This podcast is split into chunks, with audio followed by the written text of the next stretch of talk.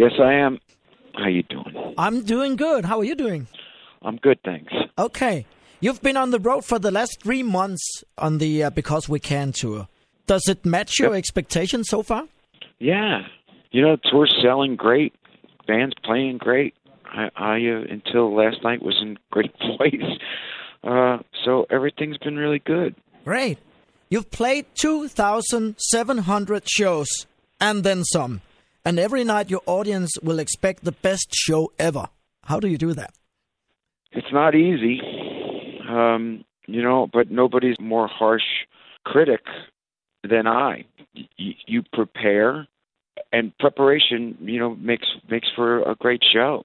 But sometimes the elements or travel, jet lag, allergies, whatever, you know, there's other human factors that come into play, but you still do the best you can. Yeah. Do you have allergy?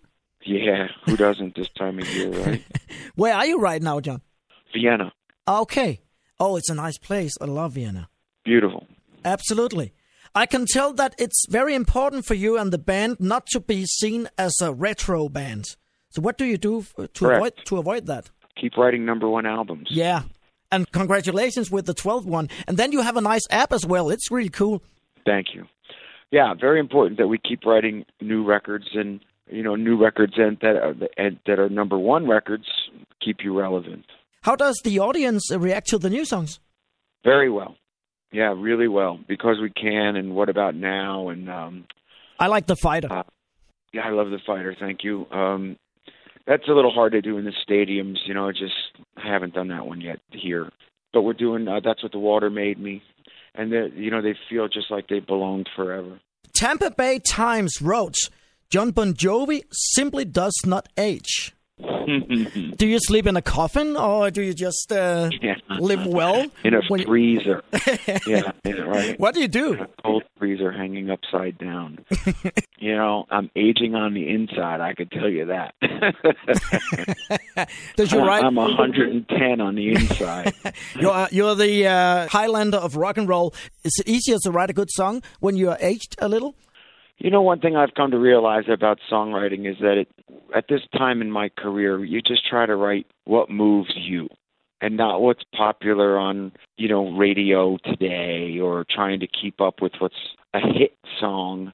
You just write what you think is a good song.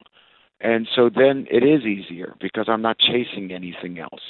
We've already long since established who we are. So you're not you're not worried about the young guys that are coming up as though they're competition. Everybody's just making music. It's not a competition. And then when you're in that comfortable place of just writing the best song that you can, then it does come easy. Would you say that you will go on your wife's nerves if you don't go on a world tour now and then? Oh yeah, sure. yeah. yeah. So you And have my kid. And you and your whole the whole family. You have to go out there Oh. and, and get stimulated on what you do.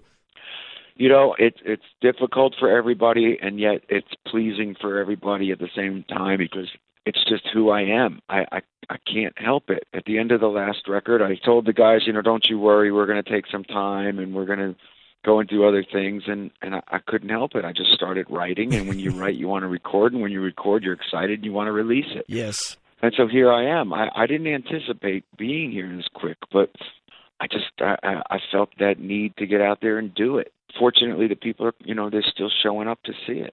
You said taking some time, but you didn't say with what. Yeah, yeah. It's just what I do. I don't know. You know. The 6th of June, you're in Parken in Copenhagen.